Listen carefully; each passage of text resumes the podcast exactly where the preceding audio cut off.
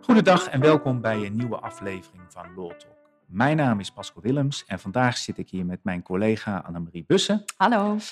En Annemarie, we gaan vandaag een onderwerp uh, bespreken uh, wat wij in de praktijk ook veel vragen over krijgen, namelijk wanneer passende arbeid de bedongen arbeid wordt of is geworden. Ja, klopt. En voor nou, veel luisteraars zal dit bekend in de oren klinken, maar uh, de luisteraars die er nog niet zo bekend mee zijn, zal ik even kort uitleggen waar we dan mee te maken hebben. Uh, een medewerker valt wegens ziekte uit, uh, gaat op een bepaald moment reïntegreren en uiteindelijk hervat die medewerker in passende arbeid. Dat ja, dus kan... dus, niet, hè, dus niet de eigen functie, de bedongen arbeid, wat is afgesproken, maar iets anders. Iets anders, of het kan hetzelfde zijn, maar bijvoorbeeld diezelfde functie met bijvoorbeeld minder uren, mm -hmm. of aangepaste taken, of een hele andere functie die bij je past, die op dat moment bij je belastbaarheid past. Um, en daar ga je mee door, ook als de wachttijd voor de WIA 104 weken is verstreken. Ja. Um, ongeacht even of daar een, een WIA-uitkering uh, aan te pas komt. Uh, dat kan een min 35 zijn, dat, dat kan zie je, meer zijn. Dat zie je volgens mij relatief vaak. Hè? Dat het natuurlijk iemand is die, die wel dus nog steeds beperkingen heeft. Want anders zou je je bedongen arbeid weer kunnen hervatten. Ja. Maar dat er inderdaad dan een 35 minder uh, beslissing uitkomt. Waardoor jij binnen de organisatie nog wel wat passends kan. en dat dat ook ja. Ja, wordt gedaan. En uh, dus die reïntegratie wordt eigenlijk dan voortgezet. Uh, er wordt uh, al dan niet, maar daar komen we zo op, wat over verteld. Ze gaan door, door, door in die passende arbeid. En op enig moment... Ja, na, soms zelfs jarenlang. Hè? Dus soms dus, jarenlang, ja. enorm lang, valt iemand opnieuw uit. En dan is de vraag, ja, gaat er dan een nieuwe loondoorbetaligingsperiode lopen? En de, de, de kernvraag is dan, is die passende arbeid inmiddels de, het eigen werk geworden, het nieuwe eigen werk, de nieuw bedongen arbeid? Uh, is het antwoord erop ja, dan gaat er een nieuwe ja, wachttijd, wat we dan noemen, nieuwe loondoorbetaligingsperiode lopen van 104 weken, waarin je ook ontslagbescherming uh, hebt, het opzegverbod wegens ziekte, de reintegratieverplichting.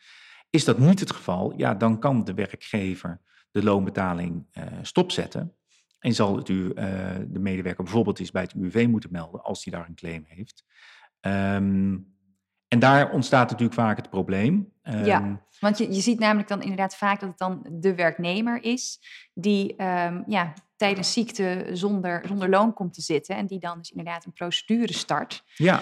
Um, en de, de zaak die we vandaag gaan bespreken, dat, dat vond ik zelf wel aardiger aan, is eigenlijk dat het hier de werkgever is die eigenlijk een, een beroep doet op van ja, um, is passende arbeid nou bedongen arbeid geworden? Want vaak is het dus de werknemer die zegt van ja, maar dat, dat is het geval.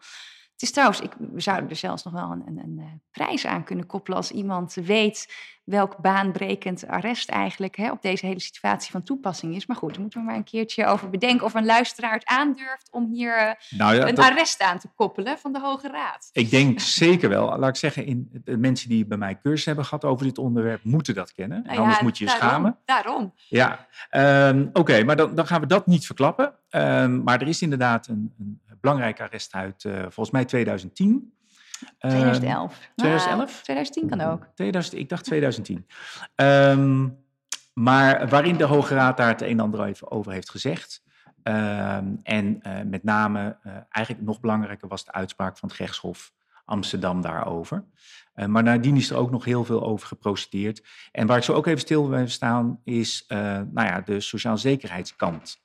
Ja, want je zei ja, werkgever en werknemer, ja, de, die kunnen er belang bij hebben, maar UWV heeft er vaak ook een belang bij. Ja. Uh, om die discussie te hebben, is nou de, de passende arbeid de bedongen arbeid geworden. Maar wat, wat ons triggerde uh, om dit vandaag te bespreken, is niet alleen uh, de vraag die wij daar echt regelmatig over krijgen in onze praktijk, maar ook een recente uitspraak die we voorbij zagen komen over een cachère bij Albert Heijn. Ja, je moet eigenlijk zeggen een cachère kwaliteitsmedewerker. Hè? Ja, dat goed dat, dat je me corrigeert. Dat is volgens mij wel vrij cruciaal in deze, in deze casus. Ja. Dat is inderdaad een, een dame die in het, in het zuiden van het land... want het speelde zich af bij, uh, volgens mij bij de rechtbank Limburg... Ja. die in het zuiden van het land bij een, uh, een grootgrutter... die wij allemaal wel kennen... Die ik net met naam genoemd heb. Dus. Oh ja, dus nu ja. helemaal. Ja. Uh, verder zijn er natuurlijk nog veel meer andere grootgrutters. Uh, wij zijn gelukkig niet gebonden aan de reclamecodecommissie, dus we mogen gewoon zeggen: het was een Albert Heijn medewerker. Die inderdaad achter de kassa zat en dus als kwaliteitsmedewerker uh, um, voor, en dan moeten we het goed zeggen, 128 uren per vier weken op de payroll stond. Ja. ja. Nou, dat is even goed dat iedereen dus in het hoofd houdt. Dus de bedongen dus 32 arbeid, uur per week. 32 uur per week. Wat je veel terug ziet komen in de uitspraak is dus die 128 contracturen per vier weken. Per vier weken. Het was overigens in Sittard, lees ik. In Sittard, nou, dus met de zachte G. Ja. Maar goed, deze uh, mevrouw met eigenlijk dus die, hè, die, die dubbelfunctie, laten we, of dubbelrol, laten we het zo maar noemen, die, uh, ja, een, de, volgens mij is er op een gegeven moment sprake van een arbeidsongeval. Ja, 11 juli 2007 krijgt ze een ja. arbeidsongeval. Dan werkt zij ook twee jaar lang niet. Dus uh, nou, het zal wel heftig zijn geweest.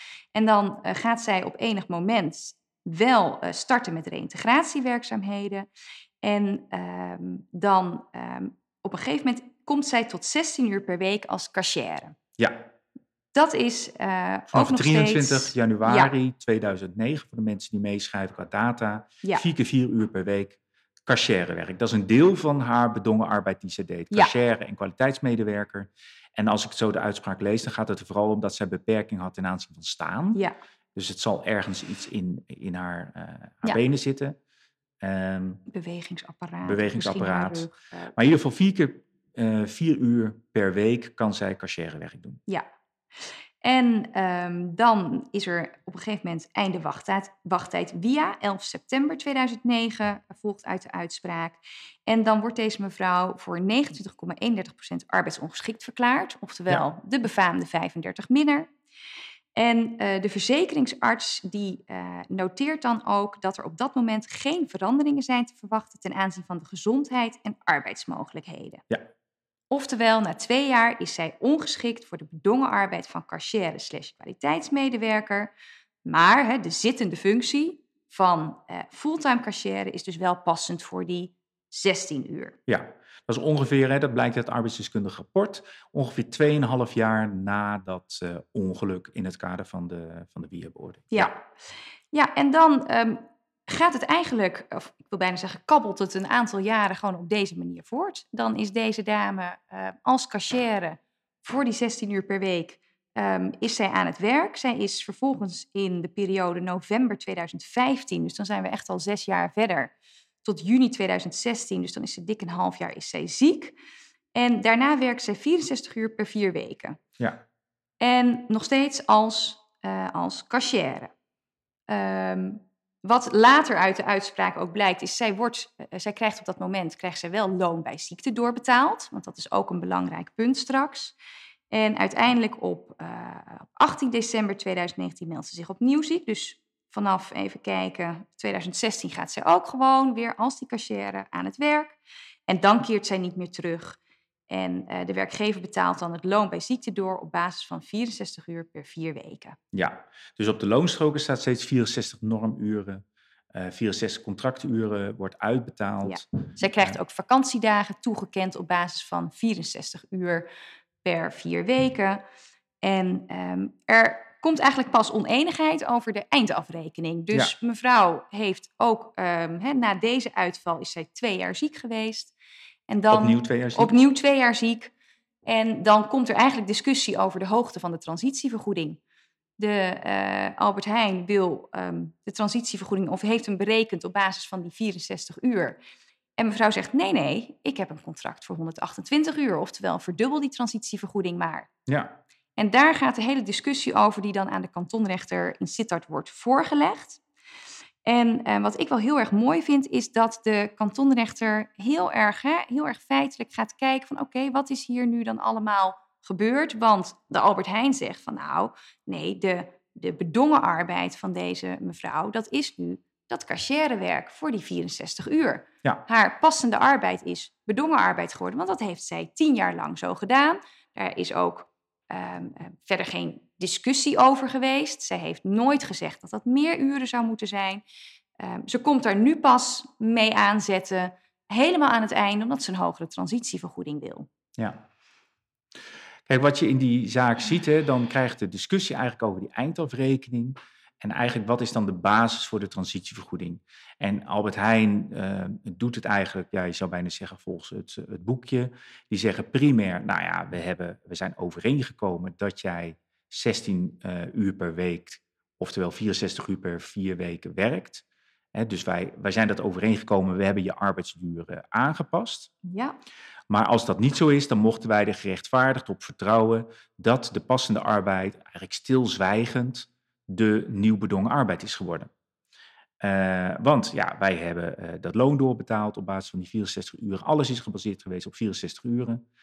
Uh, dus even plat gezegd, hoe kom je erbij dat het 128 uur moet ja. zijn?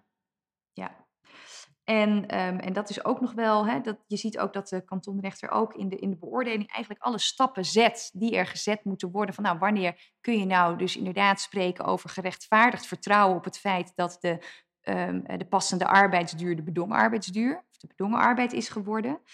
En um, dan wordt er dus ook waarde gehecht aan wat de verzekeringsarts bij dus eigenlijk hè, die eerste periode van twee jaar ziekte al heeft geoordeeld van nou, dit is eigenlijk een soort eindstadium. Hè. Er is ja. op dit moment, zal er geen verandering komen in de, in de gezondheidssituatie en in de mogelijkheden. Dus op het moment dat mevrouw voor 16 uur per week als cashier gaat werken in, moet ik het even goed zeggen, volgens mij was dat 2009. Ja. Um, dan is dat al een soort eindstadium, ook op basis van de medische gegevens, zegt de kantonrechter. Ja, en dat komt, uh, zeg maar, die lijn die ze daar hanteren. Hè, er wordt geloof ik ook verwezen naar een uitspraak van het gerechtshof Den Bosch. Ja. Uh, niet onlogisch natuurlijk, omdat de rechtbank Limburg onder uh, het gerechtshof Den Bosch valt. En de uitspraak van de Hoge Raad waar wij aan refereerden over net iets anders onderdeel van die passende arbeid, wordt bedongen arbeid deel ging. Um, maar waar, waar, daar heel veel aan wordt gehecht, is die medische eindsituatie. Ja. En de vraag, ja, hebben partijen sinds 2010 en wat een beetje het eikmoment is, uh, hebben die dan nog inspanningen gericht die gericht zijn op terugkeer in de oude bedongen arbeid, oorspronkelijke bedongen arbeid, cashier en kwaliteitsmedewerker. En eigenlijk, wat je hierin leest, wat de rechtbank ook zegt, er zijn eigenlijk nooit uh, pogingen ondernomen om weer in haar eigen functie, dus daar wordt mee bedoeld cashier en kwaliteitsmedewerker, ja, terug te laten komen, of dat er maar ook zicht op heeft bestaan. En die medische situatie daarin, daar hecht uh, nou ja, de, de rechtbank heel veel, uh, heel veel waarde aan. Ja, er wordt inderdaad gekeken naar hè, Albert Heijn. Je, mocht jij er gerechtvaardigd op vertrouwen? Want hoe lang is dan de periode geweest? Um, is die passende arbeid ook verricht met het oog op terugkeer in die oude functie? Of heeft het dat doel wat jij al aangaf? Of heeft dat helemaal geen rol meer gespeeld? Ja, en staat de aard en omvang van de verrichte arbeid tussen partijen der discussie? Die drie punten, en die worden dan helemaal um, gefileerd door de kantonrechter. En um, dan zegt de kantonrechter van nou, het gaat om een lange periode van ongeveer tien jaar, dat zien we. En um, nergens blijkt uit dat er dan een doel was om toch weer in die dubbelfunctie te gaan werken. Sterker nog, het heeft helemaal niet tussen partijen, is, is het gespreksonderwerp geweest. Er is nooit door deze werknemers erop aangedrongen bij Albert Heijn. En uh, de kantonrechter zegt dan ook van ja, dus die functie van nu alleen cashieren voor die duur van die 16 uur per week, dat is het hoogst haalbare. En er is daarmee sprake van een eindtoestand. Dus dan heb je dat element ook weer terug. En um, er is dan op een gegeven moment, wordt er kennelijk dan misschien al ingefluisterd door de gemachtigde wel een aantal keer gezegd, nee, maar het klopt niet dat er ergens dan in 2017 in personeelsdossier iets staat over 128 uur of 64 uur. Ja, en daarvan zegt de, zegt de kantonrechter, um, ja, dat kan er dan wel op duiden dat de omvang en de aard van de arbeid tussen partijen misschien niet eenduidig vaststond. Maar ik kom toch tot een ander oordeel, want ja, daar is in een totaal andere context is daar toen iets over gezegd. En dat ging toen helemaal niet over van, hé, is dit nu mijn, eh, mijn bedongen arbeidsduur of is dit nu nog steeds passende arbeidsduur? En um, daarom hoeft daar niet zoveel betekenis aan toe te komen. Um, en ja, er is wel een keer bezwaar gemaakt tegen een arbeidsomvang van 64 uur. Maar, zegt de kantonrechter, ja, dat was wel in 2019 toen mevrouw al geruime tijd ziek was. En zoals de kantonrechter het schrijft, ja, de arbeidsovereenkomst, het einde daarvan ook al op de horizon verscheen. Oftewel, mevrouw ging nadenken van, hé, hey, ik krijg straks een transitievergoeding. Wat is dat? Hoeveel wordt dat uit? Oh, ja, is dat op basis van 64 uur. Dus ja, je heb ziet ik, echt heb ik wel nog dat... een verdubbeling in mijn achterzak Ja. zitten? Kan ik, Eh, nog, eh, kan ik nog de joker inzetten, ja, ja. of nee? Ja, Nou ja, dat, uh, dat speelt hier ook. Kijk, wat in de praktijk natuurlijk is, is dat uh, dit is een, een, een cashier kwaliteitsmedewerker. Wie zijn erbij betrokken? De supermarktmanager en de assistent supermarktmanager ja. die dingen vastleggen.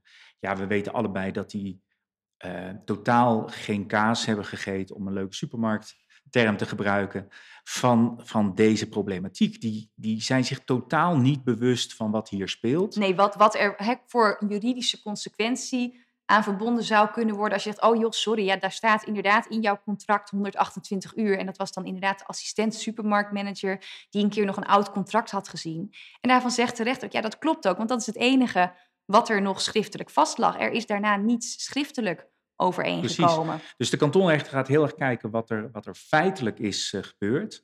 Hij noemt ook een aantal aspecten die bij de beoordeling of er sprake is van rechtvaardig vertrouwen een rol kunnen spelen. Hij noemt hoe lang de periode is waarin de passende werkzaamheden zijn verricht.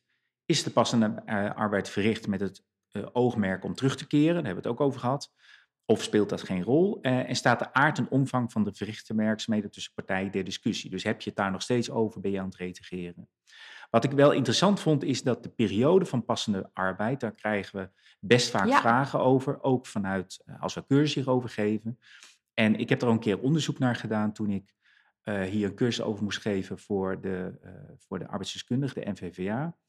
En uh, het interessante is dat als je naar de jurisprudentie kijkt, dan zijn er uitspraken waarbij een medewerker tien jaar passende arbeid verricht ja. en het nog niet de bedongen arbeid ja. is geworden. Deze gaat ook wel richting de tien jaar. Ja. Maar er zijn er ook die na een jaar dat al zijn geworden. Dus ik vind het wel interessant dat de kantonrechter dat element naar voren haalt.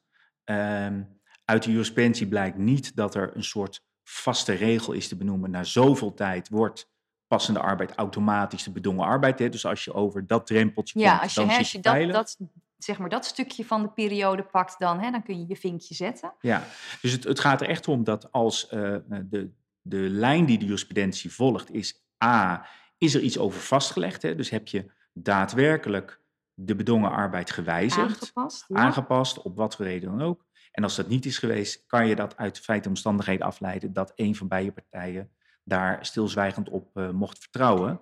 Waarbij het meestal natuurlijk de medewerker is die er Ja. een, een uh, beroep op doet van nou, mijn bedongen arbeid is gewijzigd. Dat is hier ook het geval. Ja, alleen wat, wat ik dan inderdaad aardig vind, is dat de kantonrechter hier ook zegt: ja, en beste werknemer.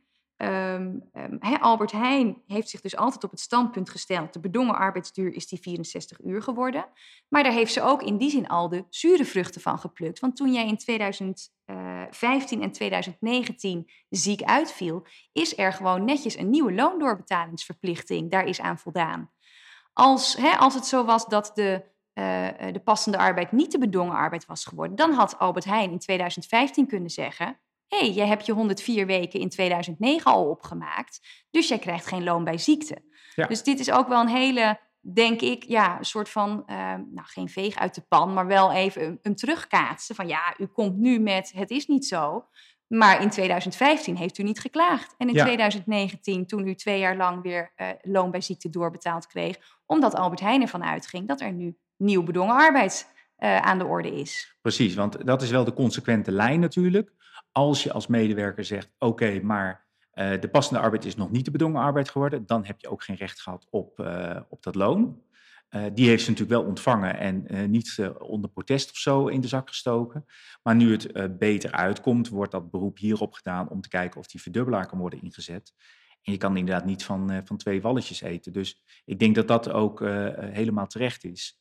Wat wel interessant is, is in het verlengde hiervan dat um, de Centrale Raad van Beroep, hè, als het gaat over de UWV-kant, want het UWV kan natuurlijk ook een medewerker terugsturen en zeggen, goh joh, maar je moet niet bij ons zijn voor Ja. een uitkering, maar bij de werkgever, want hè, de passende arbeid is inmiddels jouw bedongen arbeid geworden. Je wachttijd loopt nog, dus je hebt nog geen recht op een, op een uitkering. Ja, dat is dus als de werkgever zegt: hé, hey, hoezo moet ik jouw loon bij ziekte doorbetalen? Dat heb ik tien jaar geleden of vijf jaar geleden al gedaan. En jij bent nog steeds aan het reïntegreren. Dit is nog steeds hè, uh, passende arbeid en je hebt geen nieuw bedongen arbeid gekregen. Precies. En, en wat uh, te zien is, is daar waar in het verleden er nog wel een verschil was hoe de bestuursrechter er tegenaan keek in de civiele rechter, uh, lijkt dat nou elkaar toe te bewegen. De Centrale Raad van Beroep lijkt ook die civielrechtelijke beoordeling, of de passende arbeid de bedongen arbeid is geworden, veel meer te pakken, waarbij en dat lees je ook in, in de, de uitspraken en de toelichting bij heel veel uitspraken. Dat met name het feit dat bij de bestuursrechter de focus vooral ligt op hoe het feitelijk allemaal is gebeurd. Terwijl de civiele rechter vooral kijkt naar wat heb je nou contractueel vastgelegd, als mhm. dat het vertrekpunt is. Het schuift nu langzamerhand wel naar elkaar toe. En uh, dat blijkt onder andere uit een uitspraak van de Centrale Raad van 2022, nummer 2424, waarin dat ook ja, min of meer ook wordt gezegd. Dat is denk ik wel een goede, goede ontwikkeling, want er zat nog wel een verschil in, met name als het gaat om de medische aspecten die daarin meewegen of die uh, medische eindsituatie is ontstaan. En dat is op zich natuurlijk wel logisch, omdat in uh, eh, UWV-zaken is die medische informatie natuurlijk veel meer beschikbaar dan in de civiele zaken met het oog op, uh, op de privacy. Overigens hebben we hier al een keer een lot ook over opgenomen, hè, over uh, dit onderwerp, al heel lang geleden. Um, daar kunnen mensen ook nog eens een keer nakijken. Of naluisteren, moet ik eerlijk zeggen. Maar het is wel een onderwerp wat in de praktijk heel vaak uh, een rol speelt. En vandaar dat het ons interessant leek om dit nog eens een keer aan jullie te vertellen. Ja, dus ik, uh, ik zou bijna uitnodigen, kom maar door met de inzendingen op, uh, op, het, op de vraag die we hebben gesteld.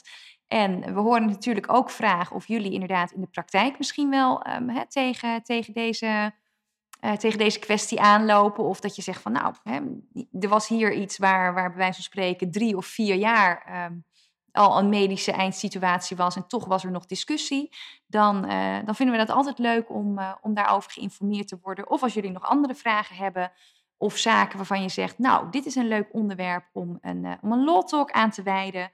Um, laat van je horen, dat kan, dat kan gewoon via de mail. En dan zeggen we voor deze keer hartelijk bedankt voor het luisteren. En tot de volgende keer. En nog de aanvulling erop even, want jij sluit al af. Maar ik wil nog even zeggen, wij krijgen inderdaad wel regelmatig mensen die dingen insturen. Um, daar gaan we zeker naar kijken. Maar sommige, uh, sommige onderwerpen zijn heel gedetailleerd. En daar, daar moeten we even over nadenken hoe we dat voor een wat breder publiek uh, interessant kunnen maken. Um, maar met alle input zijn we uh, heel erg dankbaar. En daar gaan we zeker mee aan de slag. Um, dus blijf het vooral insturen. En nu gaan we echt afsluiten. dus graag tot de volgende keer. Tot de volgende keer.